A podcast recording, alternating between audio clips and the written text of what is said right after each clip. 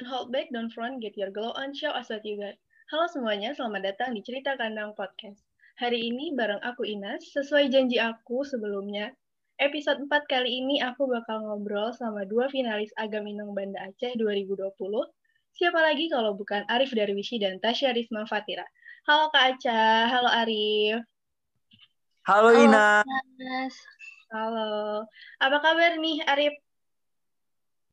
Alhamdulillah luar biasa sehat Nas. Oke, luar biasa ya.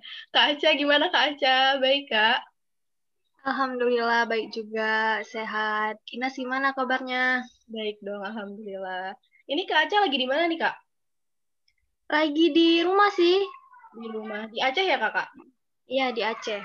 Oh iya, di Aceh. Kalau Arif di mana nih, Rip? Kemarin lihat-lihat di sosmed ada di Langsa nih. Nah, untuk kemarin itu aku memang eh, lagi di Langsa, Nas. Kebetulan karena kan kakakku tinggal di Langsa dan sekarang Hmm. aku udah kembali ke Medan kok. Di rumah sekarang. Oke, di Medan ya. Oke. Ini eh, cukup sibuk ya berarti, Rip, kemarin. Di Langsa emang cuman main ke rumah kakak atau ada kegiatan lain nih, Rip? Eh, sebenarnya eh, dari awal tuh kan karena kan kakak juga barusan lahiran tuh kan. Jadi untuk sementara ya aku nemeni juga di sana. Tapi kemarin itu bertepatan dengan rapat dari lembaga Aceh Mengajar sendiri. Karena kan kami juga ada project tuh. Jadi kebetulan ya menyempatkan diri lah untuk ikut rapat di lembaga Aceh Mengajar gitu. Wih, cukup sibuk nih. Tapi sebelum kita ngobrol lebih banyak lagi nih, biar pendengar podcast ini nggak mengarang-arang gitu ya, nggak menerka-nerka, ini suara siapa sih yang didengar gitu kan. Boleh dong perkenalan singkat dulu dari eh, Kak Aca sama Arif. Tapi mungkin dari Kak Aca dulu kali ya. Ladies first ya, Arif ya. Iya, boleh, boleh. Boleh Kak Aca. Oke, eh, perkenalkan nama kakak Tasya Risma Fatira. Biasanya dipanggil Aca. Eh, kalau kakak mahasiswa Leting 2018, program studi peternakan Fakultas Pertanian Universitas Syekh Kuala. Oke, Oke, boleh Arif dilanjut, Rip? Oke. Halo teman-teman semuanya, perkenalkan nama saya Arif Derwisi. Biasa teman-teman manggil eh, aku ya aku aja lah ini ya kan nggak usah terlalu formal kali kan pakai pakai saya. Iya, Nah, boleh. jadi biasa manggil Arif. Eh, saat ini aku merupakan mahasiswa aktif di Universitas Yakuala, Fakultas Pertanian, jurusan Peternakan Leting 2019. Oke, jurusan peternakan dua-duanya nih. Finalis Agam Inong Banda Aceh. Iya, bener nggak sih? Iya, benar. Benar. Boleh dong sebelum kita ngobrolin yang lainnya nih. eh, kasih tahu dulu dong ke pendengar. Ini kan pendengar kita nih nggak terbatas nih, seluruh Indonesia bisa dengar. Boleh dong dipromosiin dulu apa sih Agam Inong Banda Aceh ini? Mungkin boleh Kak Tasya atau Arif. Gimana nih Kak? Dari Kak Tasya atau Arif dulu nih? Dari Kak Tasya ya. kakak. Nah, oke, besok Arif sambung ya. boleh, boleh, boleh. Ya, Kam. Jadi Agam Inong atau bisa dibilang Duta Wisata Kota Banda Aceh ini adalah uh, suatu ikatan ya uh, yang tugasnya tuh ya untuk mempromosikan Kota Banda Aceh ini sendiri. Yang jelas namanya Duta Wisata, berarti mempromosikan wisata Kota Banda Aceh. Lebih singkatnya gitu sih. Eh, iya benar. Jadi tambahannya Nas, eh, ini merupakan suatu platform untuk anak muda yang memiliki ketertarikan nih dalam dunia pariwisata. Nah, jadi kan duta itu, duta kan su- merupakan suatu icon ya kan. Tentunya kita ya harus bisa memberikan eh, hal positif terhadap masyarakat. Nah, kurang lebih eh, kalau duta Agaminong sendiri ini merupakan duta du- eh, suatu icon yang berhubungan dengan untuk mempromosikan pariwisata dan tentunya di kota Banda Aceh karena kan Agaminong Banda Aceh kurang lebih seperti itu Nas Oke, berarti perwakilan lah, wajah Banda Aceh lah ya bisa dibilang.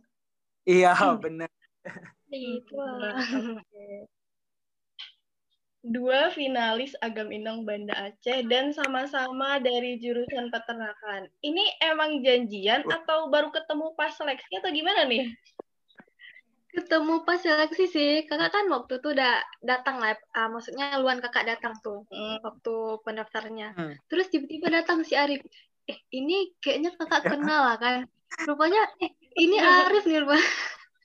Maka kakak pertama sempat eh kok bisa ada Arif di sini? Ngapain? Rupanya dia ikut uh, daftar duta wisata juga. Uh. terus di situlah baru tahunya iya kemarin itu juga Arif sendiri jumpa Kak Aca itu pas seleksi kalau nggak salah seleksi seleksi berkas eh seleksi tertulis ya Kak ya?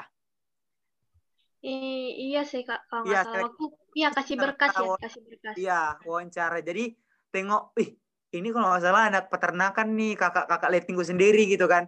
Langsung dong tegur ih kak Aca ih Arif juga ikut. Itu langsung uh, pas jumpa di situ langsung udah udah tahu di situ Nas jadi kayak nggak nyangka gitu ya bisa ketemu sesama jurusan peternakan iya benar banget seleksi ya. Oke, buat Kak Aca nih. Kak Aca kan ikut seleksi agam inongnya nih di tahun kedua kakak kuliah. Bisa dibilang di semester 4 ya kak, benar nggak sih? Iya, di semester 4. Hmm. Nah, itu emang udah direncanain dari lama untuk ikut di semester 4 atau dulu pernah nyoba tapi gagal atau gimana nih kak? Boleh dong diceritain dikit. Uh, Oke, okay. uh, sebenarnya kakak udah niat sih dari tahun lalu, dari eh tahun lalu, ya tahun lalu dari tahun 2018 waktu itu semester 2. Jadi pas tahu agam inong itu pas ya dibuka pendaftarannya jadi kakak kayak belum siap aja gitu ya cara mental juga secara ilmunya mungkin masih kurang makanya akhirnya kakak pending untuk daftar di tahun depannya tahun ini. Dan alhamdulillah ya masuk juga ya sampai saat ini.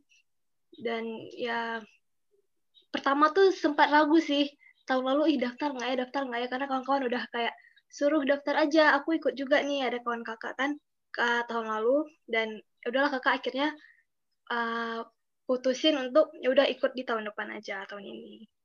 Berarti emang udah disiapin dulu ya kak? Di bener-bener di prepare secara matang gitu ya. Dan alhamdulillah hasilnya juga baik gitu ya Kak dengan perencanaan yang luar biasa matangnya. Iya, insya Allah gitu. Nah, itu pas kakak akhirnya memutuskan untuk, oh yaudah deh ikut gitu, aku siapin deh. Itu apa sih kak yang benar-benar kayak memotivasi Kak Aca waktu itu buat akhirnya ikut seleksi Agaminong Banda Aceh? Oke, kalau motivasi sih sebenarnya kakak kayak dari diri sendiri deh. Memang ikut agam inong ini benar-benar dari keinginan sendiri, nggak ada paksaan dari orang tua, paksaan dari teman-teman juga nggak ada. Dan kakak ikut ini tuh untuk mengukur potensi diri kakak juga, uh, serta bisa merubah diri kakak jadi lebih baik lagi. Karena kita tahu kan kalau agam inong itu kan berarti menjadi role model kan bagi masyarakat. Dan terutama juga untuk generasi milenial saat ini, supaya mereka tuh tetap ingat gitu sama warisan-warisan leluhur kita, budaya sama adat. Maka dari itu kayak ya pingin aja kakak coba gitu masuk ke dalam agama Minang itu gimana sih? Rupanya ya memang vibe-nya tuh positif dan benar-benar bisa jadi buat diri menjadi lebih baik aja lah gitu. Dan berguna bagi masyarakat juga dekat orang-orang terdekat gitu. Wah, luar biasa. Berarti emang motivasi dari dalam tuh kuat banget ya, Kak? gitu kira-kira. Emang kakak sendiri sih yang pingin emang nggak tahu tertarik aja. Nggak ada dipaksa sama orang tua nggak dipaksa sama teman. Pokoknya kakak emang betul-betul pokoknya ini ikut berjuang uh, sampai pokoknya sekuat sekeras se, sebisa mungkin lah apa pun hasilnya kan tetap rezeki udah ada yang ngatur gitu. Hmm, yang penting dicoba dulu ya kak Iya benar, jangan pernah takut mencoba. Oke, benar banget. Kalau Arif nih, uh, ini agak aham-aham nih Rip. Arif kan bisa dibilang bukan putra daerah ya Rip, benar nggak sih Rip? Iya benar. Nah, buat putra daerah aja, ajang ini tuh bisa dibilang cukup sulit lah buat ditembus gitu kan. Tapi setelah ya, mengejutkan, Arif ini justru bisa jadi salah satu finalis Agaminong Banda Aceh. Ini awalnya gimana nih Rip? Gimana Arif bisa kayak mengumpulkan kepercayaan diri Arif, terus sampai akhirnya memutuskan, oke okay, aku bakal ikut ini seleksi agam inong gimana nih Rip? Oke, okay, terima kasih Nas atas pertanyaannya. Jadi uh, untuk awal mula kenapa aku percaya diri untuk mengikuti ajang ini yang pertama Nas, aku memiliki nih ketertarikan dalam keduniaan pariwisata. Mungkin kamu sendiri tahu ya Nas sebagai teman dekat aku di satu jurusan ketika hmm. aku ingin uh, pergi ke suatu tempat terutama ke dunia uh, ke tempat-tempat pariwisata, pasti aku bakal nge-expose nih di Instagram ataupun di sosial media aku. Iya, benar. Nah, dalam hal tersebut aku pernah berpikir Nas, kalau misalnya aku jalan-jalan aja terus tentu aku hanya mengekspos uh, ya gitu-gitu aja gitu hasilnya. Tapi itulah Nas dari dulu aku SMA aku sempat nih memiliki ketertarikan untuk uh, ikut duta wisata di Medan. Tapi uh, biasanya duta uh, kalau duta wisata di Medan itu namanya Jakadara. Hmm. Nah, jadi pas saat pada saat itu kemarin tuh aku belum cukup umur untuk mengikuti ajang tersebut. Jadi uh, aku tahankanlah selama aku di SMA. Ternyata uh, aku lulus di Universitas Yakuala tuh kan. Nah, hmm. jadi sempatlah berpikir kayaknya ini ada nih target aku untuk ikut duta wisata, tapi apakah aku bisa untuk bergabung di Banda Aceh gitu. Hmm. Sempat pesimis sih, nah sempat nggak percaya diri juga karena kan apalagi aku juga bukan putra daerah dan aku ilmu yang aku miliki tentang Aceh itu nggak terlalu banyak, hanya sebatas ilmu yang aku tahu dari orang tuaku saja gitu. Karena kan ayahku juga uh, suku Aceh juga kan. Nah, oke, okay, sudah sampai di uh, di kampus itu kan, aku tanya ke alumni di Agaminong Kota Abdia. Dia dulu Inong tahun 2008 eh tahun 2012 kalau nggak salah namanya Kak Yosa. Sempat diskusi juga Kak gimana Kak? Awal mula aku jumpa Kakak itu kemarin uh, jumpanya di Maluku Utara pas aku ikut kegiatan pengajar jelajah Nusa. Jadi Kak, Kak Yosa itu merupakan kakak fasil aku langsung dong sharing-sharing ke dia tentang dunia pariwisata yang ada di Banda Aceh. Terus dibilangnya, boleh dong Rip, kan uh, kasih aja nanti surat keterangan dari Geci-nya, dari Geci kemudian sama kartu tanda mahasiswa bahwasannya kamu aktif di Universitas Yakuala. Yaudah, pada akhirnya aku urus lah berkas itu kan kayak surat keterangan bahwasannya netap di Gampong sama Geci itu kan, terus minta uh, sama lengkapi KTM yaudah tes lah kan dengan ilmu yang seadanya juga tentang Aceh. Tiba-tiba akhirnya lulus. Nah mungkin rezeki juga sih Nas. Karena kan memang aku dari dulu pengen banget nih untuk terjun ke dunia promosi pariwisata. Dan akhirnya luluslah di di Agaminong Banda Aceh ini. Nah, seperti itu Nas. Berarti ada pertama dorongan dari diri sendiri, terus juga ada dukungan dari uh, fasilnya Arif tadi ya, Kak Yo. Kak Yo. Iya, benar Mas, uh, benar banget. Berarti emang uh, lingkungan itu penting banget ya, Rif. Teman-teman positif itu penting banget buat ngedukung kita dalam berbagai hal ya, Rif. Iya, benar banget, Nas. Karena kan ketika kita ingin mencoba tuh kan tentu rasa insecure lah bahasa anak yeah. zaman sekarang tuh insecure tentu pasti ada kan. Nah, hmm. itulah pentingnya ketika kita punya orang-orang terdekat kita yang ngasih impact positif terhadap diri kita sendiri, itulah yang menjadikan diri kita untuk terus berani mencoba. Kurang lebih seperti itu. Nah, itu kan sebelum Arif uh, ikut seleksi gitu kan. Setelah lulus iya. seleksi yeah. nih, Rip, setelah udah ada di antara finalis-finalis lain gitu kan. Kan pasti udah lebih kerasa nih, wah ternyata uh, aku lulus nih gitu itu ada yeah. kayak tantangan atau rintangan tersendiri buat Arif. Khususnya kan kayak Arif kan bukan putra daerah gitu ya. Ada nggak sih yep. kayak rasa untuk menyesuaikan dirinya itu lebih susah kah atau gimana ada bisa cerita dikit nggak Arif prosesnya di situ? Oke okay, benar. Oke okay, terima kasih Nas. Mm. jadi untuk rintangan atau tantangan ketika aku bergabung di Agaminong Banda Aceh ini sendiri sih Nas uh, wawasan aku Nas tentang dunia Aceh. Jadi kan aku kan nggak terlalu paham. Maksudnya awalnya aku cuma sebatas tahu-tahu saja gitu hanya sebatas ya uh, Aceh merupakan uh, daerah istimewa yang memiliki peraturan uh, layaknya kota Serambi Mekah gitu kan. Hanya sebatas itu saja sih Nas. Tapi uh, untuk memposisikan diri aku tersebut aku ya belajar sih Nas. Karena kan lihat teman-teman yang lain kan dari memang mereka dari putra-putri daerah, mereka udah memiliki ilmu yang cukup lah ibaratnya daripada aku sendiri kan Nas. Mau nggak mau ya aku harus belajar karena kan memang udah tanggung jawab aku juga sebagai duta pariwisata atau duta wisata. Karena kan nantinya ketika seandainya aku berkontribusi terhadap masyarakat, kalau misalnya aku nggak tahu tentang pariwisata yang ada di kota Banda Aceh kan toh aku kan malu sendiri gitu. Ya mau nggak mau aku maksakan diri aku sendiri untuk belajar Nas. Seperti itu.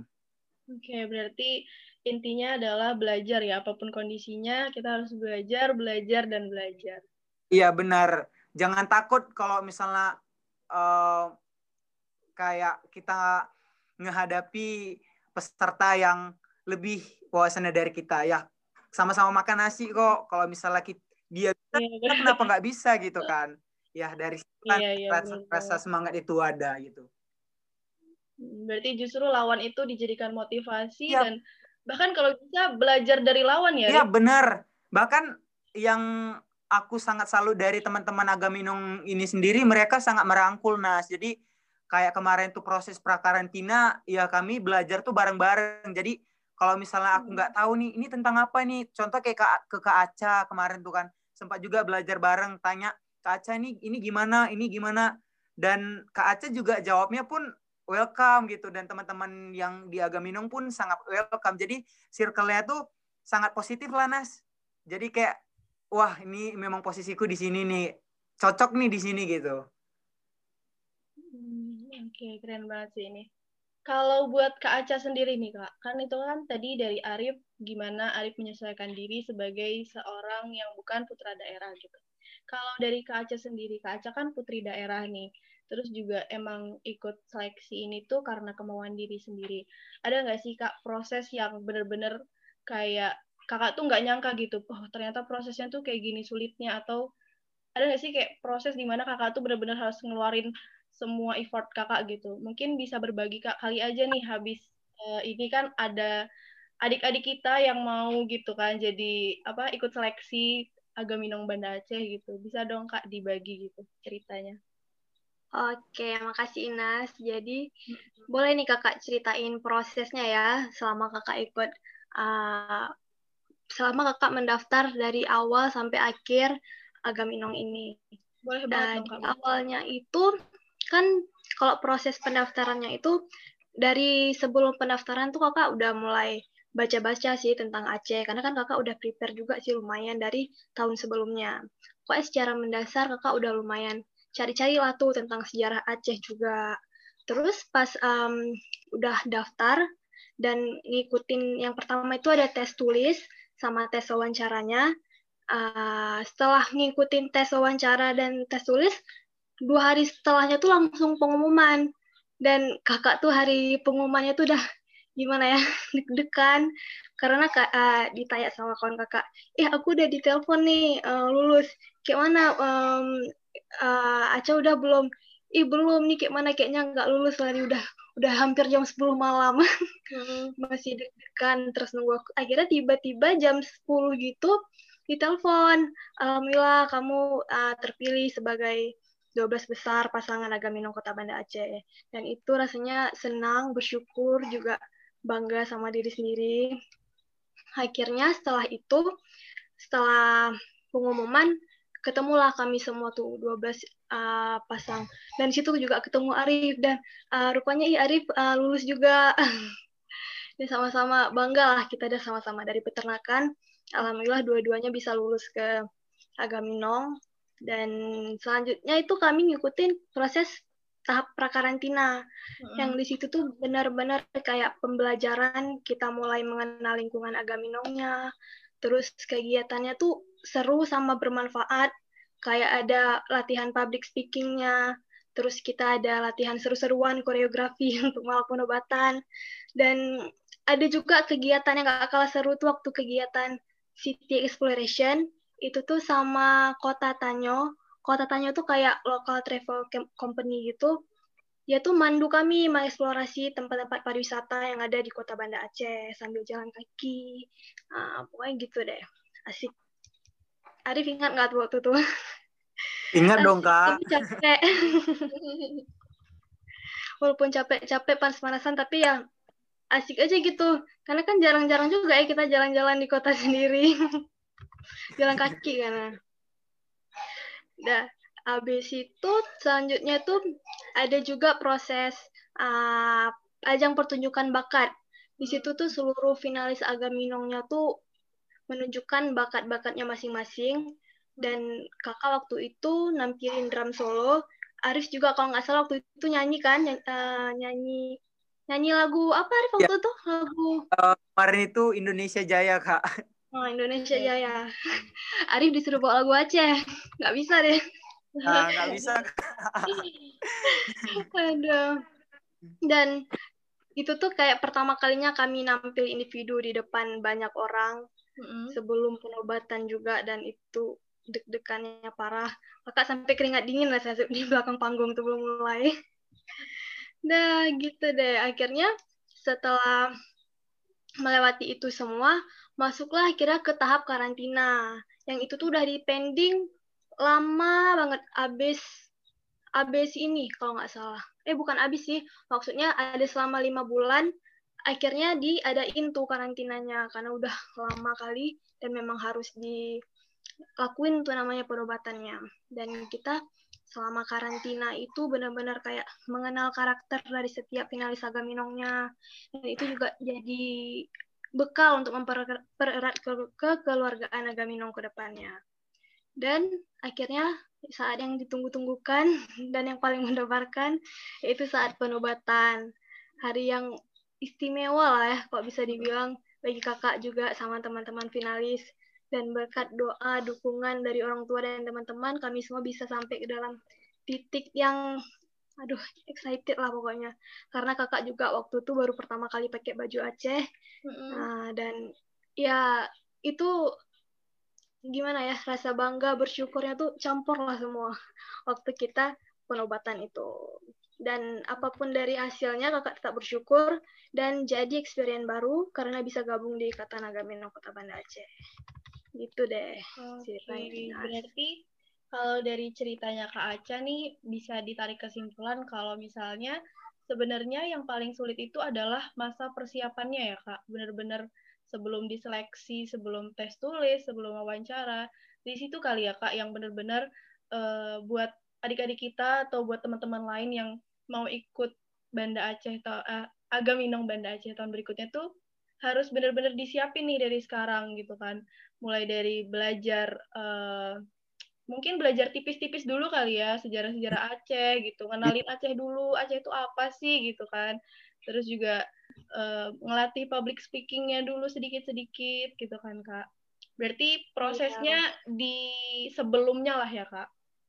Sebelumnya sih karena kan kita kayak masih berdiri sendiri hmm. belum belum masuk ke dalam agama Minang. Jadi kita masih semuanya serba sendiri lah udah alhamdulillah udah masuk ke dalam 12 besar kan berarti kita kayak udah dirangkul aja gitu tetap aja hmm.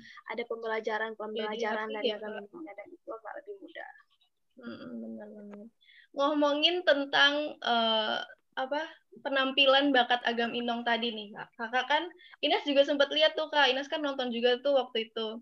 Ines nonton pas Kak Aca main drum. Nah ini menarik banget nih kak kan jarang gitu ya kak uh, perempuan main drum gitu apalagi di Aceh bisa dibilang jarang kali ya mungkin kalaupun ada bisa dihitung jari lah ya kak ini sejak kapan sih kak bisa main drum Oke, okay, kalau kakak main drum ini sebenarnya lucu sih ceritanya. Hmm. Kakak itu nyoba-nyoba sih awalnya, tapi memang udah niat pingin dari dulu tuh nggak tahu ketertarikan sama drum tuh lebih lah hmm. daripada alat-alat musik lainnya. Jadi awalnya tuh waktu perpisahan angkatan kakak waktu kakak kelas 3 SMA. Ada kepikiran gitu untuk ngebentuk band yang isinya cewek-cewek semua. Hmm. Terus kebetulan juga kakak emang lagi pingin lagi pingin coba kali waktu itu main drum dan alhamdulillah ada kesempatan kali dan di situlah akhirnya kakak ngajak ada beberapa teman cewek kakak yang yang main gitar ada yang nyanyi uh, dan mau nih ngebentuk band untuk itu kalau nggak salah Hamin sebulan lagi lah kalau oh, nggak salah mau perpisahan. Hmm. Jadi kayak bener-bener ngebut semualah belajarnya. Jadi kebentuklah band yang dinamakan dinamakan Queen. Itu okay. bandnya. Terus um, kok ditanya sekarang kabar bandnya ya udah nggak ada lagi ya karena udah misah-misah kampus, udah ada kegiatan masing-masing. Kayaknya kami cuman pertama sih, uh, pertama dan terakhir waktu nampil di perpisahan itu. Karena sel selanjutnya nggak ada lagi pernah mm, main bareng ataupun nampil bareng gitu lagi. Dan di situ pun posisinya kakak diajarin drum sama kawan-kawan cowok kakak dan yang ngajarin pun sampai dua tiga orang mungkin ya saking awalnya susahnya diajarin tapi alhamdulillah uh, udah alhamdulillah sukses waktu nampil di perpisahan tuh tapi setelah lulus SMA itu nggak pernah nyentuh lagi drum. Sampai akhirnya mau pertunjukan bakat agaminong itu lagi. Makanya pas pertunjukan agaminong pun itu kakak benar-benar belajarnya hamin tujuh hari. Aduh itu aduh udah udah bingung mau pakai lagu apa. Akhirnya kakak nyari-nyari drum kawan siapa yang ada drum di sini. Karena kalau kita ke studio kan nggak bisa sepuasnya gitu iya, iya, ada biaya per jamnya. Mm. Mm, jadi nggak puas aja. Nanti kan belum selesai harus udah habis waktunya. Jadi akhirnya kak paksa uh, cari uh, drum dan alhamdulillah ketemu sama kawan kakak. Karena di situ diajarin lagi sama kawan kakak. Karena kakak kalau udah lama nggak main tuh jadi susah walaupun ada sedikit dasarnya tapi kan agak susah gitu mulai lagi dan pas pertunjukan Agaminom itu baru pertama kali lagi pegang setelah yang tampil perpisahan dan alhamdulillah lancar-lancar aja menurut kakak ya pas uh, pertunjukan Agaminomnya gitu. Hmm, Berarti sebenarnya diawali dari ketidaksengajaan ya kak, walaupun iya. niat tapi kejadiannya tuh gara-gara nggak sengaja mau tampil di situ juga baru belajar satu bulan sebelum. Terus sekarang juga eh ternyata harus ditampilin bakat lagi apa ya? Terus akhirnya nampilin lagi, akhirnya belajar lagi. Iya. Memang kalau misalnya sebenarnya kakak pingin sih kalau mm. jadikan rutin tapi ya nggak tahu ya susah aja nyari waktu luang kalau sekarang dengan tugas yeah, iya. kampus yeah. banyak mungkin kalau yang cowok-cowok kan enak gitu ngebentuk band mereka bisa latihan sampai jam-jam tengah malam jam-jam 12 yeah, lewat cewek kan agak gitu. jaga ya kak iya oke okay. selain drum nih kak ada lagi nggak sih kak alat musik lain atau mungkin kegiatan kesenian lain nih yang kakak kuasai atau sering kakak tampilin mungkin Um, kalau alat musik lain kayaknya kakak pernah coba main gitar waktu awal hmm. awal masuk SMP. Cuman guru yang ngajarnya tuh nggak pernah datang. Aduh, Jadi kayak ekskul SMP gitu. Yang ngajarinnya kakak-kakak sama Bang Leting lah. Hmm. Tapi mereka nggak pernah datang. Ya udahlah akhirnya kakak juga nggak lanjut aja uh, main gitarnya sampai sekarang. Terus kalau nari kakak kakak udah kakak udah nari dari SD tapi waktu hmm. SD aja sih pas masuk SMP nggak ada nggak ada nggak ada gabung sanggar pas SMA ada tuh waktu di awal sebentar terus kakak udah keluar aja dari sanggarnya memang mungkin kurang niat ya di nari-narian gitu hmm. lebih sukanya main-main pokoknya bagian musik lah oke okay. kakak Berarti emang hobinya di, lebih ke musiknya ya kak daripada harus iya. tampil nari gitu. Iya, lebih di musiknya gitu. Oke, beralih sedikit nih.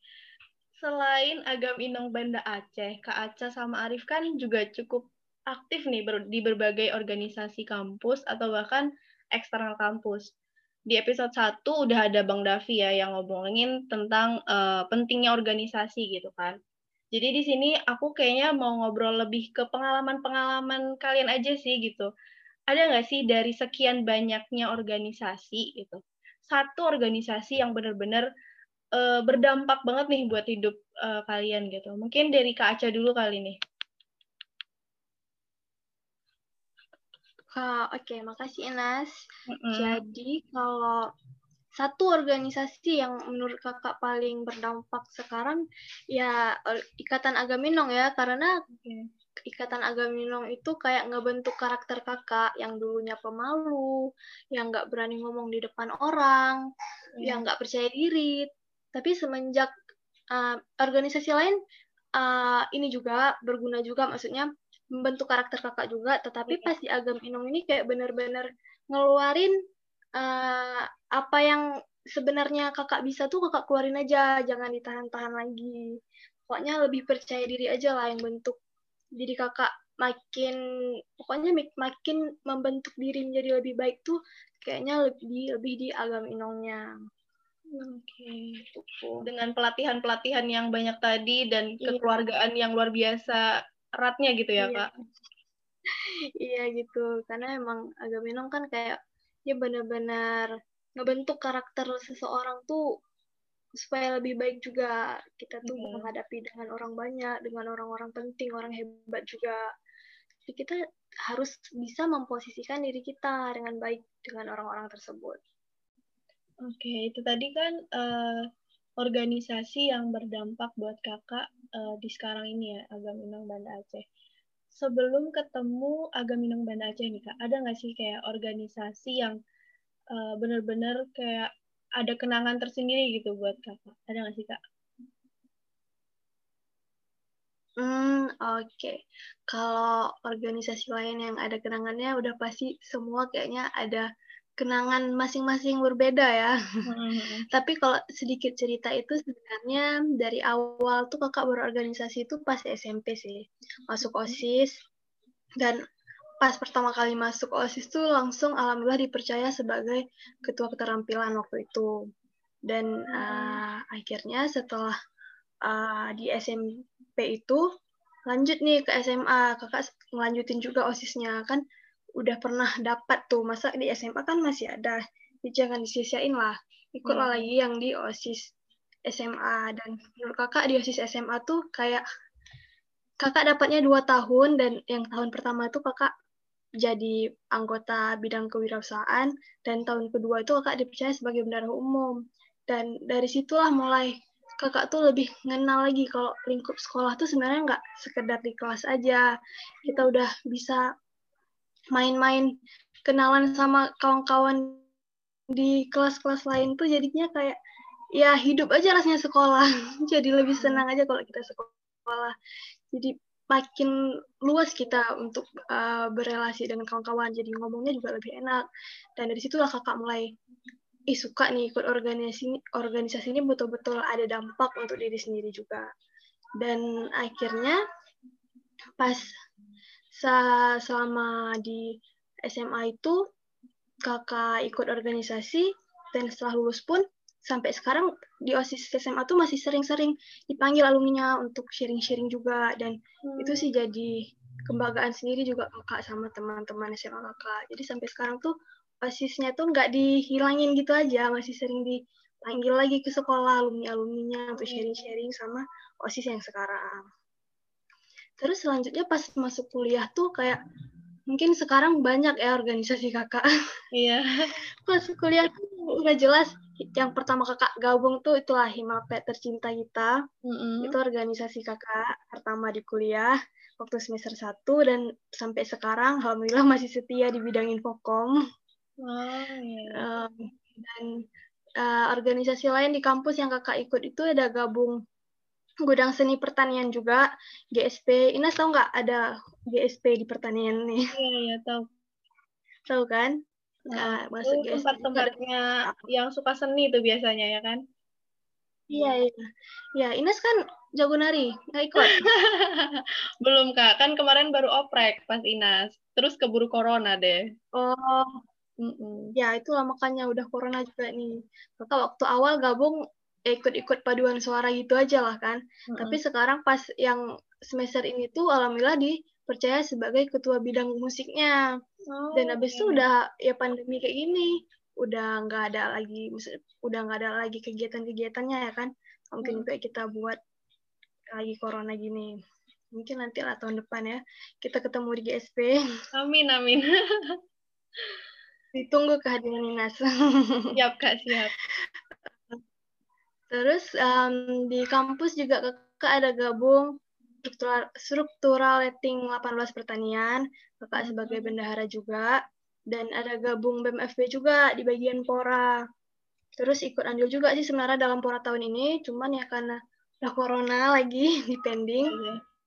belum tahu deh sampai kapan mungkin sampai tahun depan ya doain aja semoga mm-hmm. terus selanjutnya kakak juga ada ikut organisasi di luar kampus nih yang oh, pertama iya. itulah kayak ikatan Agaminong mm-hmm. Agaminong terus kakak ada juga gabung di sama PP Komisariat Unsia, sama yang terakhir kakak ada gabung di Ikatan Mahasiswa Banda Aceh atau IKAMBA. Dan hmm. di IKAMBA ini kakak juga lumayan aktif sih ya. Kakak waktu itu pernah juga dipercaya jadi ketua panitia waktu acara uh, kayak oprek baru ada anggota baru IKAMBA itu dan aduh itu pengalaman yang paling mengesankan juga waktu sama kakak. Karena waktu itu kakak pertama kali jadi ketua panitia dalam acara apa pun kakak itu pertama kali tuh jadi ketua panitia. Dan ngomongnya tuh langsung di depan wali kota Banda Aceh. Dan aduh ikhlasnya. Nervous nervous banget. Kakak nggak tahu lah. Kakak sempat grogi di panggung tuh aduh atau bilang lah. Tapi yang namanya pengalaman kan yeah. kita harus coba. Kakak waktu tuh sempat kayak ih kayak mana nih? Kakak ngomong sama koordinatornya kan aduh kayaknya aja nggak bisa lah ini nggak apa-apa pasti bisa lah kita coba dulu. Dan akhirnya alhamdulillah dari itu semua pokoknya organisasi-organisasinya tuh semuanya ada nilai-nilai plus bagi kakak dan berguna bagi kakak. Ya untuk evaluasi diri kakak juga untuk bangun karakter dan nambah relasi lebih luas sekali itu memang bagus sih kita tuh ke mana pergi tuh berasa aja jadi organisasinya ada aja yang kita kenal gitu. Pokoknya bagus untuk pelajaran diri sendiri dan juga orang sekitar kita. Gitu Inas. Berarti emang uh, apa ya? Dari awal pas SMP mengikuti organisasi terus kayak dipupuk terus ya kak organisasinya gitu yeah. kan satu-satu nambah nambah dan gak cuma organisasi aja yang nambah tapi juga relasinya nambah dan ternyata sampai sekarang luar biasa uh, bisa tergabung di Agaminong Banda Aceh gitu ya kak Iya, benar-benar. Suatu sebuah experience yang bagus lah ya bagi hidup ini. Benar banget. Oke. Oke. Kalau Arif nih, gimana Arif? Ada nggak sih kan ini Arif udah kalau dilihat di CV-nya udah dari zaman SMP kali ya Arif ya aktif di organisasi, sibuk sana sini gitu. Ada nggak sih Arif kayak satu aja gitu, bener-bener satu organisasi yang kayak bisa dibilang ngejungkir balikin hidup Arif gitu, bener-bener berubah deh gitu. Ada nggak sih, Arif? Oke, okay. ini pertanyaannya sangat bagus nih dari Ina sendiri ya. Untuk uh, organisasi yang sangat berdampak sebenarnya semua organisasi bagus, semua yeah, iya. organisasi yeah. memiliki kelebihan dan kelemahan masing-masing. Jadi ingin bercerita lah ini nah sedikit ya. Sejak hmm, SMP aku tuh sudah cukup aktif lah di organisasi SMP karena juga uh, pernah memegang juga di organisasi OSIS sebagai wakil ketua OSIS uh, pada masa SMP. Kemudian lanjut nih ke SMA. Rasa ingin tahu itu Tenas, rasa ingin tahu untuk tentang organisasi, pengalaman, ilmu itu pas ketika SMA semakin ini nih semakin membara. Jadi hmm. pas masuk SMA mulai nih cari-cari cari tahu tentang organisasi apa aja sih yang ada internal yang ada di kampus, eh yang ada di sekolah. Nah, jadi pas nengok kemarin tuh OSIS, OSIS yang pertama kali. Jadi organisasi yang ngebentuk dan yang memutarbalikkan diri aku ini yang awalnya enggak yang biasa-biasa aja yeah. hingga sampai di titik ini adalah OSIS Nas. Kenapa aku bilang kayak gitu?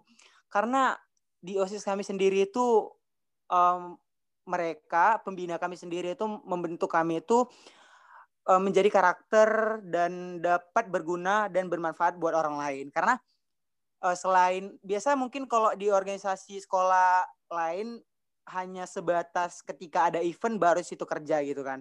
Hmm. Kalau di organisasi OSIS kami sendiri Nas, hmm. kami setiap minggu itu ada pertemuan pelatihan kayak tentang public speaking, kepemimpinan dan ada tentang tentang nasihat. Pokoknya yang benar-benar resultnya maksudnya hasilnya tuh yang berdampak bagus lah kepada kita sendiri. Nah berawal dari osis itulah aku Nas mampu uh, mendatangkan beberapa provinsi di Indonesia, salah satunya Makassar, Maluku, hmm. Jakarta, dan beberapa provinsi lainnya berkat OSIS lah, Nas. Jadi ibaratnya ketika aku uh, untuk adik-adik mendatangkan atau mendatangi nih Rip? Hah? Mendatangkan atau mendatangi nih? Maaf, mendatangkan, mendatangkan. Jadi ibaratnya kalau untuk di pelajar itu OSIS itu sangat penting sih Nas. Karena nah. Bentuk karakter banget. Tapi hmm. untuk saat ini kan aku udah masuk ke jenjang yang terbaru nih, jenjang hmm. perkuliahan. Organisasi yang ngebentuk aku tuh sangat bagus itu adalah Agaminong juga karena ya benar-benar impact dari Agaminong ini sendiri sangat luar biasa selain daripada teman-teman yang circle-nya positif kemudian mm-hmm. kami diberikan ilmu pengalaman yang yang sebelumnya nggak pernah aku dapatkan nah dalam hal tersebut lah Nas uh, ketika kan kayak gini ibaratnya Nas ketika SMP kita ilmu kita hanya sebatas berapa aja SMA tentu levelnya bakal naik. Nah, kuliah juga bakal naik. Nah, di Agaminong inilah Nas, aku ngerasa wah, sangat bagus nih untuk meningkatkan level kepemimpinan dan soft skill yang ada pada dalam diriku. Kurang lebih seperti itu. Oke, berarti kalau Arif dari OSISnya di SMP gitu ya, terus ya. ditambah lagi dikuatkan dengan Agaminong ini ya. Iya, benar. Oke. Nah, uh, selain aktif di organisasi, Arif ini kan juga sering banget nih ya, kelihatan banget nih kalau dari sosmednya uh, ikut program kerelawanan, mulai dari pengajar jelajah Nusa sampai relawan Aceh mengajar. Nah ini sebenarnya kalau menurut Arif sendiri nih, relawan itu apa sih, Arif? Terus kenapa sih Arif tuh uh, sering banget gitu berkontribusi dalam program kerelawanan? Apa sih alasannya gitu? Nah, baik luar biasa pertanyaan ini jawabnya sedikit panjang nggak apa-apa lah ya Nas ya nggak apa nggak apa nggak apa-apa dong oke okay. ya, jadi uh, untuk awal mula pengertian relawan dalam diri aku sendiri itu adalah suatu pekerjaan yang dapat kita lakukan dengan sukarela Nas ibaratnya kita tanpa meminta pamrih. Biasa mungkin orang bekerja dapat gaji. Tapi kalau relawan ini nggak digaji Nas. Karena kenapa? Jasanya itu nggak bisa dibayar sama sekali. Gak tujuannya iya nggak ternilai. Karena tujuannya ya ingin membuat ingin berkontribusi dan ingin membuat suatu perubahan kan. Hmm. tentu aku sedikit bercerita nih. Aku terjun ke dalam dunia relawan ketika aku mengikuti ada program program namanya itu Positive Project itu kemarin itu aku pernah seleksi untuk membuat suatu program tentang program kerja tentang literasi anak yang hmm. di mana mereka ngasih suatu permasalahan nih tentang dunia anak. Nah, aku angkat tentang uh, keterlat kayak mana ya? Banyak anak-anak di Kota Medan, anak-anak jalanan Kota Medan yang mereka masih belum sepenuhnya bisa sekolah gitu. Nah, jadi kemarin itu aku lomba di Makassar dan alhamdulillah aku masuk lima besar nominasi program kerja terbaik dengan judul Seribu Buku untuk Anak Jalanan. Dan hal tersebutlah Nas yang membuat aku tertarik untuk terjun ke dalam dunia relawan karena kan kemarin kemarin tuh pas aku lulus nih udah selesai dari kegiatan di Makassar tuh kami dianjur diberi anggaran nih Nas untuk hmm. membuat program ya jadi aku ngebentuklah namanya komunitas seribu buku untuk anak jalanan. Itu program tersebut aku bentuk oleh teman-teman di sekitar lingkungan aku gitu. Tujuannya ya agar untuk memecahkan permasalahan tersebut gitu tadi yang tentang dunia literasi anak tadi. Nah aku ngangkat anak eh, anak-anak jalanan nah, untuk memberikan edukasi terhadap mereka bahwasannya pendidikan itu sangat penting loh. Baca itu sangat penting loh. Hmm. bahwasannya baca itu adalah jendela dunia. Tanpa baca mungkin kita nggak tahu apa-apa gitu. Nah lanjut dari situ uh, ada nih kemarin bukalah pendaftaran namanya pengajar jelajah nusa. Itu kan relawan yang pertama, pertama tadi aku relawan buka komunitas seribu buku untuk anak jalanan. Kemudian aku ikut nih seleksi nasional lagi namanya pengajar jelajah Nusa. Tahun 2018 itu program uh, suatu kayak mana ya program yang dibentuk oleh PT Ultra Jaya dengan Indonesia Mengajar yang di mana mencari anak-anak muda yang peka terhadap permasalahan pendidikan pelosok di Indonesia. Nah jadi kemarin hmm. itu pas eh, setiap tahunnya provinsi yang didatangi itu berbeda-beda dan kebetulan aku kemarin dapatnya di Maluku. Aku kemarin itu melihat di Maluku itu sangat miris Nas, sangat miris sekali hmm. desanya. Mereka tuh sama sekali listrik itu hanya enam jam per hari. Bahkan mereka itu nggak ada gadget.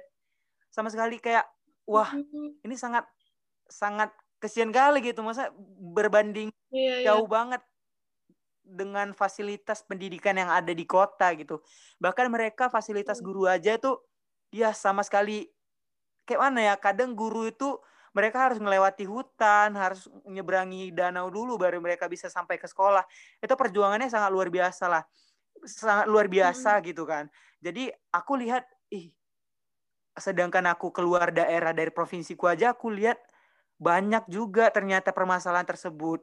Nah dari mulai hal hmm. tersebut lah Nas aku nge, uh, makin semangat untuk terjun ke dunia volunteer gitu. Dan alhamdulillah kemarin pas aku itu pas aku masa SMA kan aku terjun ke yeah. dunia volunteer. Pas masuk kuliah langsung lah kan aku lulus di un, un, Unsia nih kan.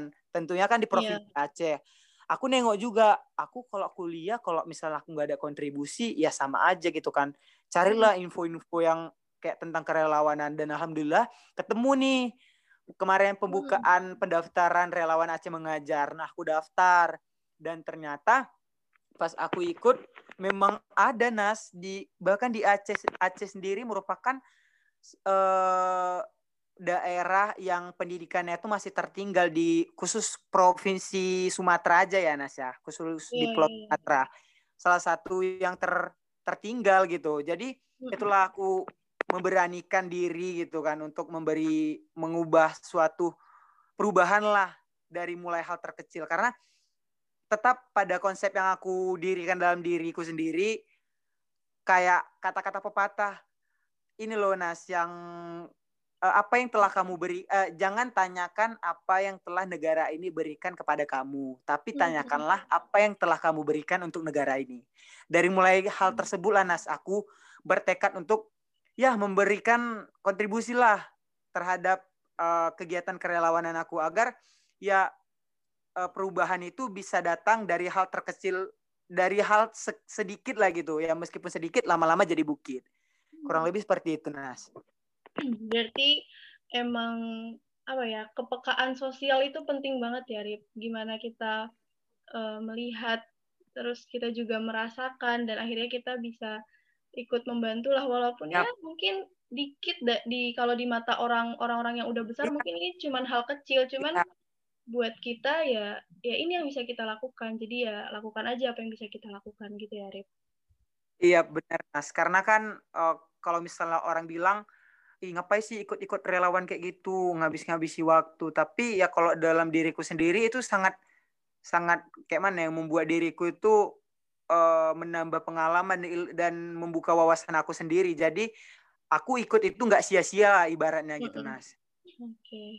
Duta wisata aktif di organisasi juga sering ikut kegiatan kerelawanan. Ini kayaknya semua hal yang Arif lakukan itu butuh skill public speaking semua nih, Rip. Nah, ada nggak sih tips dari Arif gitu buat temen-temen nih, biar public speakingnya bagus gitu? Oke, okay.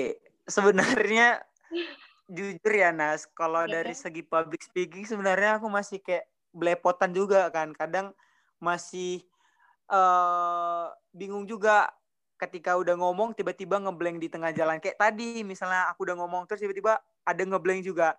Sebenarnya kalau misalnya tips and trick bisa public speaking ya kita harus mau belajar gitu. Karena kalau nggak belajar nggak ada pendirian terhadap diri kita sendiri tentu kita nggak bisa bisa gitu.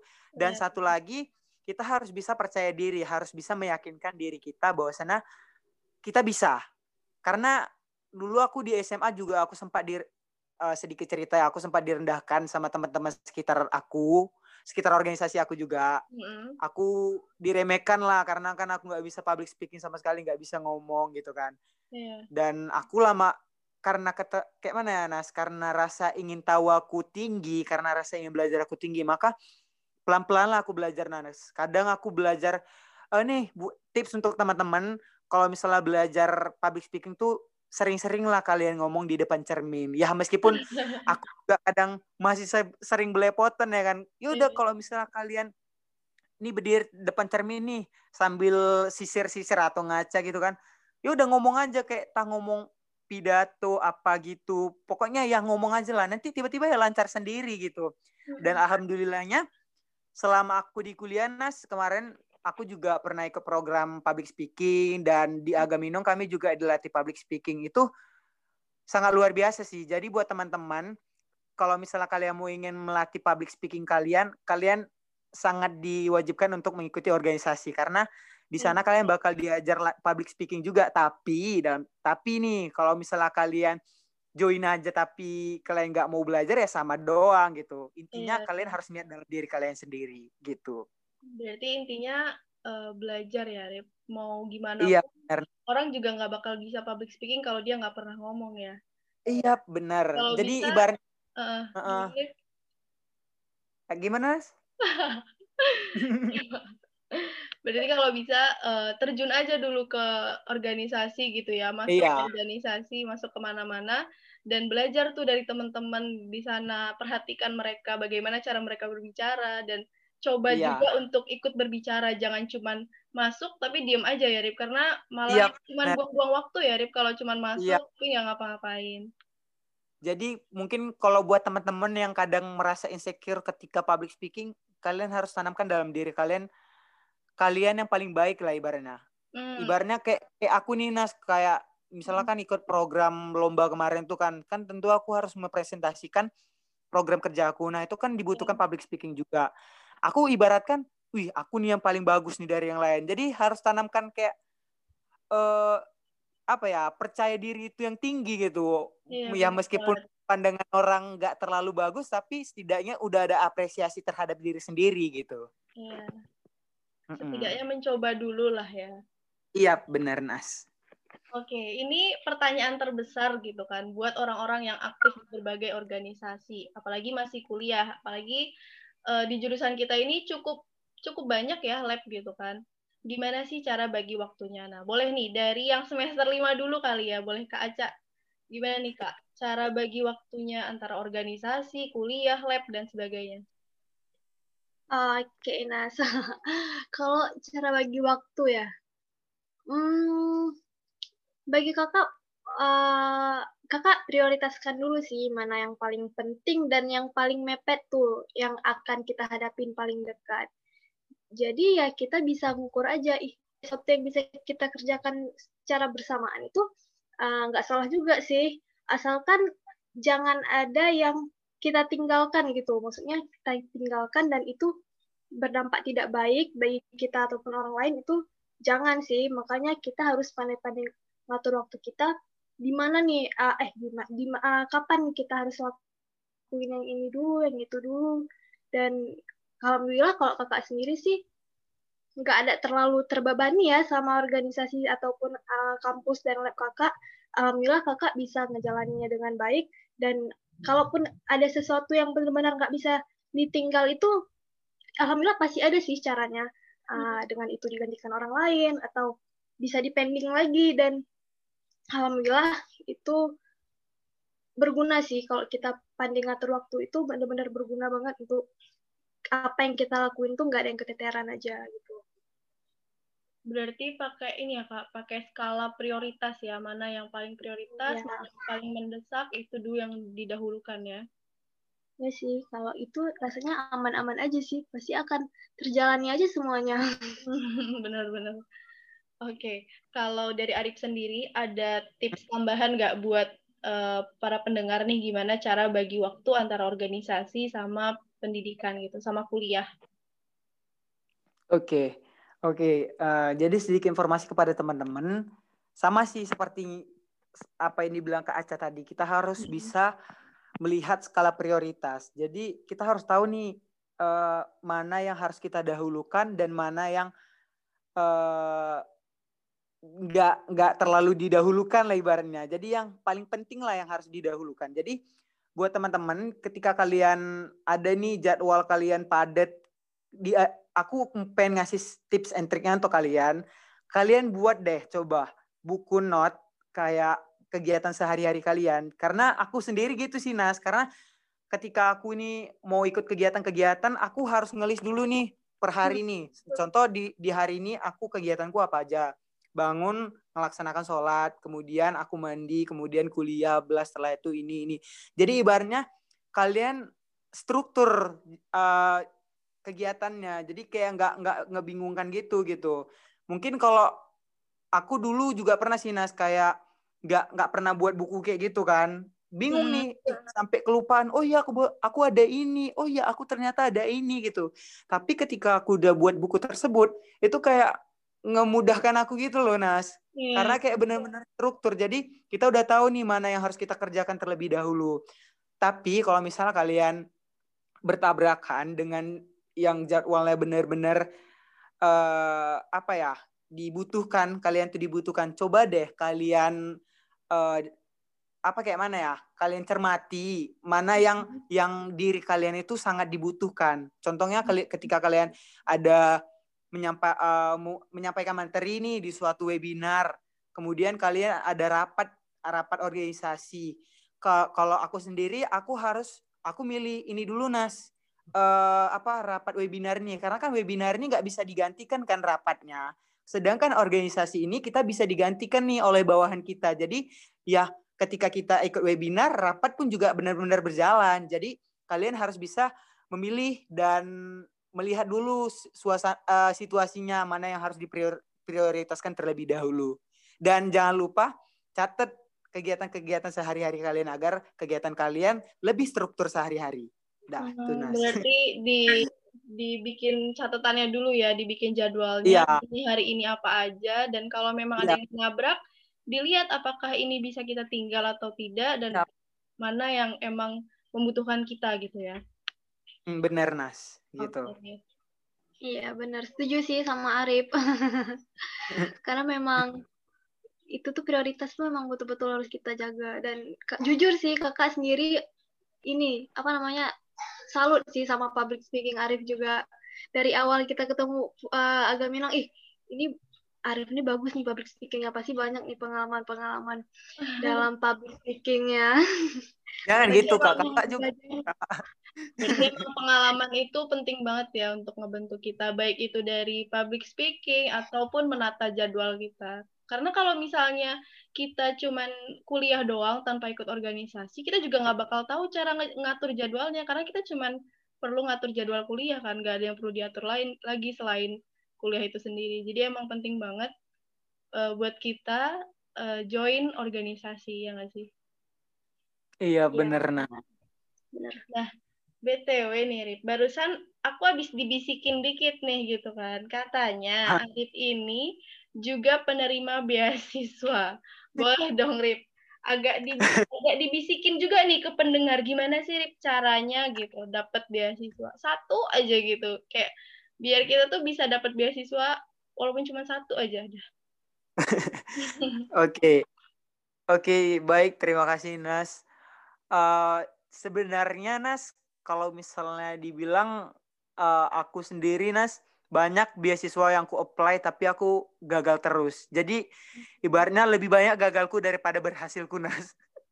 Mm-hmm. ibaratnya ya satu banding 8 gitulah uh, gagalnya 8 kali, gagalnya 7 kali, tapi berhasilnya sekali. Nah, jadi buat teman-teman sekalian yang mendengarkan podcast ini, uh, aku sarankan buat kalian, ketika kalian ingin mengapply beasiswa, kalian harus bisa tanamkan dalam diri kalian rasa percaya diri. Karena itu sangat penting sih, Nas. Karena hampir rata-rata hmm. teman-teman terdekat aku sendiri, ketika aku bilang, eh ini ada beasiswa loh, kalian nggak mau apply. Bagus, maksudnya uh, berkasnya nggak terlalu ribet juga gitu dan mereka bilang ih aku iya. aku nggak bisa inilah aku nggak bisa itulah contoh kayak aku nggak bisa buat esai aku nggak nggak ada prestasi aku nggak ada riwayat organisasi ya gimana ya ibaratnya coba dulu gitu jangan jangan dibilang katakan iya. nggak bisa karena kita kan nggak tahu kan seberapa serap, seberapa potensi yang ada dalam diri kita ketika kita nggak nggak mau mencoba gitu. Kalau aku sih kayak gitu nas. Iya. aku harus uh, memposisikan diriku ih ini beasiswa ini aku pasti bisa aku pasti bisa.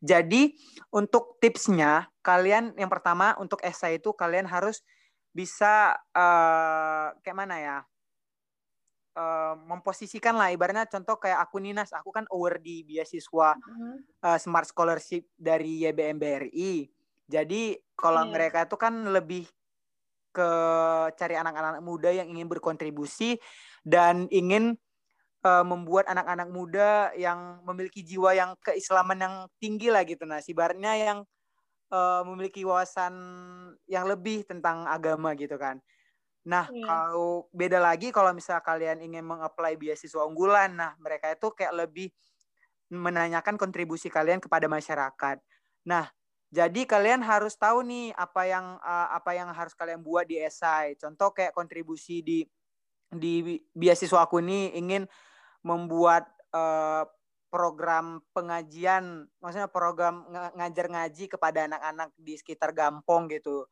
Atau kalau misalnya di beasiswa unggulan ingin ingin membuat apa ya uh, tentang literasi pendidikan gitu untuk anak-anak atau untuk uh, anak disabilitas gitu gitulah pokoknya dia harus kita harus bisa mengetahui nih mana mana yang cocok untuk si apply beasiswa itu gitu kan nah yang kedua hmm. kalian harus uh, di gimana kalau misalnya kalian gak ada riwayat uh, sebenarnya di, di, dianjurkan untuk kalian memiliki riwayat organisasi dan prestasi. Tapi kalau misalnya kalian gak ada ya kalian bisa gunakan memperkuat itu di esai jadi ketika kalian nggak ibaratnya kalian, kalian nilai kalian nggak terlalu nggak nggak ada di biodata prestasi dan organisasi setidaknya kalian ada nilai plus di esai toh pun kalau misalnya esai kalian nggak bagus terus kalian ada prestasi organisasi tentu kan bakal menjadi pertimbangan pertimbangan juga untuk juri. Jadi tips and triknya buat teman-teman kalian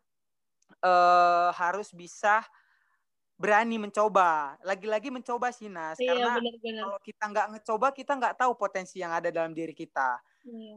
kayak gitu. Kalau dari aku sendiri uh, intinya kalian harus uh, berani mencoba. Itu sih. Berarti kesimpulannya dari beasiswa ini ya pertama kenalin dulu beasiswa apa yang mau kalian ambil gitu kan. Iya Terus benar. yang kedua adalah siapin esainya sebaik mungkin kalau memang kalian Iya. punya prestasi dan kalau kalian punya prestasi Ya, juga tetap berkas. esainya tuh tetap dibagusin gitu ya. Intinya Iya, kenalin lah gitu siapa sih yang mau kalian mintai beasiswa ini, siapa sih mereka yang mau kalian daftar ini gitu kan. mm, mm, mm. Oh ya, Nas, Apa satu lagi. Untuk teman-teman, kalau misalnya kalian ingin mengapply beasiswa, kalian bingung nih cara buat esai, kalian bisa langsung tanya ke aku, langsung Nah, eh, bisa langsung hubungi aja ke kontak person WA ataupun di IG. Nanti eh, kalau misalnya kalian mau apply, aku coba bantu deh cara-caranya biar kalian lebih mudah untuk keterima gitu. Nah, tuh bisa banget ya teman-teman. Mungkin sebelum teman-teman yang lain bisa kita dulu kali ya, Kak. Ya nggak sih, Kak? boleh, Ya, boleh Kak. banget. Boleh banget karena dalam waktu terdekat nih ada nih dua beasiswa yang maksudnya yang orang nggak terlalu banyak yang nggak nggak terlalu banyak tahu sih. Mungkin hanya beberapa yang tahu. Nanti kalau misalnya apa aku kasih aku share deh ke Inas dan ke Kak Aca biar sama-sama tahu nih beasiswa. Agak Oh, di balik layar itu ya pribadi. Oke, lanjut nih. Dari tadi ngobrol nih ya, sebenarnya aku tuh agak penasaran nih sama sesuatu. Kan kegiatan Arif sama Kak Aca ini kan bisa dibilang agak jauh nih dari peternakan, atau bisa dibilang bukan peternakan banget lah gitu ya. Pernah nggak sih Arif atau Kak Aca gitu kepikiran buat pindah jurusan? Terutama Arif nih, Arif kan masih semester muda ya Arif ya? Masih Iya. semester tiga, masih muda lah kita ya kan Rip. Ada nggak sih ya. kayak pikiran-pikiran, aduh kayaknya aku nggak cocok nih di peternakan, apa pindah kali ya. Nah, itu gimana, Rip? Kalau misalnya emang ada gitu, gimana cara Arif mengatasi pikiran tersebut gitu? Oke, Nas, terima kasih. Jadi eh, untuk eh, hal tersebut, eh maksudnya tentang hal tersebut pernah, Nas. Mm-mm. Aku pernah berada di posisi ketika aku jenuh, kayak Iya. lah aku kok kenapa bisa di jurusan peternakan ya gitu ya. Mm-mm. Lah ini enggak awalnya dulu pas sekolah aku pengen banget Nas terjun ke dunia, maksudnya jurusan eh, hukum dan ilmu politik gitu kan. Iya, Tapi lagi-lagi aku rezekinya di peternakan dan awalnya ya sempat ngerasa ini nggak cocok gitu kan di semester di semester satu apalagi kan. Karena kan belajarnya juga tentang hewan ternak dan aku juga nggak tahu nih sebe- eh, maksudnya wawasan aku tentang peternakan itu nggak terlalu nggak terlalu luas gitu. Hanya aku hanya sebatas tahu ya ternak sapi ternak sapi ternak ayam dan ternak lainnya gitu lah nah saya sekedar hmm. gitu aja cuman nggak tahu nih tentang lebihnya di peternakan ternyata pas ketika aku merasa berada di titik jenuh itu aku uh, lagi-lagi berpikir sih Nas kayak hmm. Uh, ini ini mungkin rezeki aku ini nggak boleh tolak kalau misalnya aku nolak rezeki sama aja aku nggak artinya aku nggak bersyukur gitu. Ya, ya coba aja deh dijalani gitu kan. Apalagi uh, aku juga Nas uh, suka dunia bisnis gitu kan. Dunia bisnis hmm. aku suka. Jadi kan di peternakan ini kan kita juga bakal berbisnis juga. Jadi nggak jauh-jauh sih dari dari hal yang ingin ku gapai gitu. Maksudnya nggak nggak nggak jauh dari passion aku sendiri. Jadi hmm. untuk men, uh, mengembalikan mood aku untuk tetap di jurusan peternakan adalah ya itu nas. Aku nger, uh, tetap uh, ngerasa bersyukur lah nas. Apalagi kemarin itu sempat juga kan kakak-kakak letting bilang ih di peternak kita nih peternakan apalagi kita ini uh, bakal dibutuhkan ke depannya selagi manusia membutuhkan protein dari hewan gitu kan. Iya, benar banget, benar banget. Jadi aku kayak eh, iya kalau misalnya orang nggak makan ayam, nggak makan daging, ya mereka mau dapat dari mana gitu selain dari peternakan. Apalagi kan sekarang tengok Nas kayak ayam geprek, kemudian ayam segala macam ayam, kemudian segala macam olahan daging tuh iya, sangat dibutuhkan sama masyarakat untuk meningkatkan UMKM kan, terutama hmm uh, dalam bidang kewirausahaan gitu. Aku langsung berpikir oh iya ini ini cocok juga nih di passion aku gitu. Lagi-lagi tetap di di, di ini disemangati juga sih sama orang-orang sekeliling aku juga sih. Terutama abang letting tadi terus hmm. kakak-kakak letting dan orang tua juga untuk meyakinkan aku tetap di peternakan gitu sih Nas. Berarti lagi-lagi uh, circle itu penting banget ya buat mendukung kita Iya benar Nas karena ketika kita berada di posisi titik terendah ya kita butuh cerita sih ke orang untuk iya, benar, melepas benar. semua itu kan. Hmm. Jadi buat teman-teman ketika kalian merasa stres nih tugas atau kalian stres nggak nggak tahu mau ngapain kalian bisa curhat lah ke teman dekat kalian yang bisa uh, dipercaya lah gitu. Iya, kalian iya. cerita lu kesah itu kalau dalam ilmu psikolog sangat bagus sih Nas karena kita bisa sangat terbuka ibarnya. Jadi yang awalnya kita tertekan tadi, kita jadi kayak lapang lapang dada gitu sih. Bebas gitu, gitu ya, bebas dari beban. Iya. Mm -mm. Ya sampai sekarang ya aku bangga sih jadi mahasiswa peternakan. Wih, mantap. harus harus bisa jadi peternak yang gak bisa diremehkan sama orang lain. Karena mungkin orang-orang sekarang mereka mandangnya ih peternakan mau jadi apa? Gitu. Mereka nggak tahu di dalamnya itu uang semua gitu iya, ke iya, depannya. iya, nah kurang lebih seperti itu Nas. Oke. Okay. kalau Kak Aca sendiri nih Kak.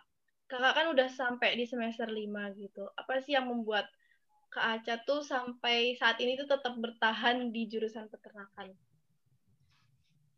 Um, oke. Okay. kalau misalnya apa yang buat kakak bertahan kakak tuh orangnya kalau udah dapat itu kakak tuh ngejalanin aja tuh dengan ikhlas maksudnya. Hmm. karena kalau masalah milih jurusan peternakan kakak bingung sih di awal. Bukannya waktu udah masuk kakak pingin pindah jurusan nggak pernah sih kepikiran gitu. Cuman pas di awal-awal kali mau daftar kuliah itu yang ih bimbang kali nih mau masuk mana. Kakak tuh karena memang nggak ada rasanya tuh nggak pingin kuliah di jurusan uh, sains lagi. Pinginnya tuh di ke sosial gitu kan. Dan tapi Allah udah sekolah di uh, IPA tiga tahun ya udahlah kita kuliah aja di IPA dan akhirnya kakak pertama tuh milihnya dokteran kedokteran hewan. Kedokteran hewan sama peternakan gak jauh-jauh ya dari hewan. Padahal yeah. sampai sekarang kakak masih susah pegang hewan. Karena nggak berani. Terus ya uh, alhamdulillah waktu itu pernah dapat undangan kan SNMPTN tuh. Kakak hmm. pilihnya kedokteran hewan, terus peternakan. Dan rupanya nggak nggak lulus, nggak lewat. Dan pas di kakak tes di SBM-nya, kakak ubah tuh. Kakak pilih peternakan, baru kedokteran hewan. Dan hmm. alhamdulillah pas mau rupanya lulusnya di peternakan. ya udah sih kakak terima-terima aja walaupun kadang pertama kayak eh uh, ih kayak mana nih aku nggak ngerti kalau kedokteran hewan tuh masih ada lah minat. Masih lah pingin minat. Kalau di awal peternakan kan belum belum ngerti lah belum ada niat sebenarnya. Yeah. tapi nggak apa-apa dijalanin aja. Dan alhamdulillah sampai sekarang bertahan sih. Walaupun ya susah-susah gampang lah ya. Tapi nggak apa-apa karena kakak memang pingin buang rasa takut kakak. Pingin coba tantangan baru makanya kakak pilih yang hewan-hewanan lah. Gitu. Berarti uh, apa tetap menjalani ya menjalani dengan optimal apa yang udah didapatkan gitu ya kak. Iya gitu. Benar. Oke okay. sebagai sesama mahasiswa peternakan nih kak ada nggak sih kayak harapan gitu atau pesan dari kakak buat teman-teman yang lain gitu kak? Kalau harapan kakak untuk teman-teman mahasiswa peternakan itu ya terus memberikan inovasi-inovasi terbaiknya lah di bidang peternakan kayak karena Arif bilang tadi tuh prospek dan peluang kita tuh besar kali di di bidang peternakan ini. Dan uh, ya maksudnya inovasi-inovasinya tuh bisa lebih besar seharusnya apalagi di era modern kayak gini. Apalagi orang kadang kan pandang kita sebelah mata gitu. Karena orang nggak tahu orang tuh cuma nilai dari covernya aja. Kayak mana sebenarnya jurusan peternakan itu kan yang lebih mengerti kita makanya kita lah yang harus gali potensi diri kita masing-masing juga untuk bisa mengembangin inovasi-inovasi terhadap dunia peternakan ini supaya makin berkembang ke depannya dan ya bisa menghasilkan orang-orang yang sukses juga untuk ke depannya. Amin amin amin. Kalau buat Arif nih, apa nih harapan Arif buat teman-teman mahasiswa yang lain? Harapannya, harapan Arif untuk teman-teman semuanya, kalian tetap terus bersemangat, jangan pernah kalian jatuh ketika kalian dijatuhkan orang lain. Hmm. Contohnya kayak kalian direndahkan, maksudnya di jurusan peternakan, mau ngapain kerjanya, kalian harus kayak mana ya, harus tetap kayak mana, pada dalam diri sendiri lah gitu, tetap teguh gitu. Kalian di peternakan itu kalian jelas sih bahwasanya peternakan itu bakal dipakai untuk ke depannya selagi manusia membutuhkan protein dan hewani. Dan untuk mahasiswa yang lain, kalian jangan mau takut bersaing sama mahasiswa-mahasiswa dari berbeda jurusan karena uh, kita jangan kayak mana jangan sampai direndahkan lah sama orang itu kayak ibaratnya kayak tadi aku bilang tadi Nas, kita kan sama-sama makan nasi. Iya, Mereka iya, bisa, kenapa aku enggak? Jadi kita harus bisa sama-sama bersaing. Sama dibilang seperti kayak yang dibilang Kak Aca tadi, kita harus harus bisa uh, berinovasi. Kita harus bisa bersaing kepada mahasiswa-mahasiswa dari berbeda jurusan agar uh, ke depannya uh, kita bisa uh, naik nih nama kita. Dan satu lagi iya harapannya untuk peternakan semoga akreditas kita bisa menjadi A internasional segera amin, secepatnya. Amin. Amin. amin. amin. Kalau buat Kak Aca nih, apa nih? Tadi Arif udah nyebutin harapannya buat jurusan. Kalau buat Kak Aca, ada nggak sih nih Kak harapan uh, atau pesan gitu? Ya harapan sih lebih ke harapan untuk jurusan peternakan Unsia. Apalagi kan kita nih lagi dalam rangka lustrum ke-12 kan nih gitu. Apa sih harapan Kakak? Uh, Oke, okay. kalau harapan kakak untuk jurusan peternakan, hampir bersama juga kayak Arif tadi, uh, semoga jurusan peternakan semakin lebih baik ke depannya, tetap mempertahankan akreditasi A-nya dan bisa masuk ke akreditasi internasional. Hmm. Terus ya dosen-dosennya juga makin lebih baik ya dan tetap menjadi dosen yang dicintai oleh mahasiswanya. Terus ya jurusan peternakan semoga tetap mendukung kreativitas-kreativitas mahasiswa peternakan baik di bidang apa pun karena untuk mencapai sebuah prestasi itu tidak tergantung melulu di um, di akademik kampus aja. Kita bisa menembus bidang ruang apa pun untuk mencapai prestasi kita dan pasti jurusan peternakan juga mendukung apa pun prestasi mahasiswanya. Gitu deh. Benar banget nih. Nah, kalau pesan untuk anak-anak SMA nih, untuk adik-adik SMA yang masih galau buat milih jurusan, atau bisa dibilang masih buta nih sama jurusan peternakan, ada nggak pesan khusus buat mereka nih, Kak? Pesan khusus untuk calon mahasiswa peternakan, ya jangan takut ya kalau mau mencoba kayak Arif bilang tadi juga jangan pernah takut mencoba sesuatu hal yang baru mungkin kalian belum tahu peternakan tapi kalau kalian cari tahu pasti ini aduh peluangnya tuh peluang kerja ataupun kesuksesannya tuh besar. Jadi uh, kalaupun udah kita bergabung sebagai mahasiswa nanti tetap tetap aktif dalam kegiatan apa pun karena itu tuh bagus untuk diri sendiri, modal untuk ke depannya juga karena kita harus gali potensi diri sebaik-baiknya. Jangan pesimis, walaupun kita gagal, tetap berusaha semaksimal mungkin karena rezeki itu udah diatur sama Allah Subhanahu wa taala. Oke, okay, banget nih. Kalau buat Arif nih, apa nih pesan buat dede gemes nih buat anak-anak SMA yang ya masih cap cip cup lah buat jurusannya nih. Jangan digombalin, Arif. iya, digombalin, bahaya nih kalau digombalin. Langsung penuh pula nanti chat DM ya kan. Oke, okay, uh, eh, pesan untuk adik-adik SMA yang sekarang nih masih bimbang uh, mau milih jurusan kuliah, kalian yang pertama kalian harus bisa gali potensi di dalam diri diri kalian dulu. Contohnya kalian harus mengetahui nih kalian cocoknya di bidang mana. Contohnya kalau misal kalian tertarik dalam dunia peternakan atau ya kalau misalnya kalian mau masuk tentang bisnis nih kalian nggak bisa masuk ke ekonomi. Ya kalian masuk aja peternakan. Peternakan itu juga seluruhnya diajarkan loh. Dari mulai bisnis kemudian dari mulai uh, mempelajari penelitian dan dan sebagai uh, sebagainya kalian bisa kok belajar di peternakan. Jadi kalau misalnya buat adik-adik juga nih yang yang tahun 2020 ya yang kalian merasa salah jurusan hmm. kalian jangan jangan sampai nyesel loh kalau misalnya kalian pindah jurusan lagi. Kalian jalani aja dulu nih selama satu semester atau dua semester. Nanti kalian bakal tahu loh uh, rasanya itu gimana di bakal maksudnya wawasan wawasan kalian yang tadinya nggak terbuka ketika kalian udah belajar kalian bakal tahu uh, oh ternyata kayak gini toh di peternakan gitu.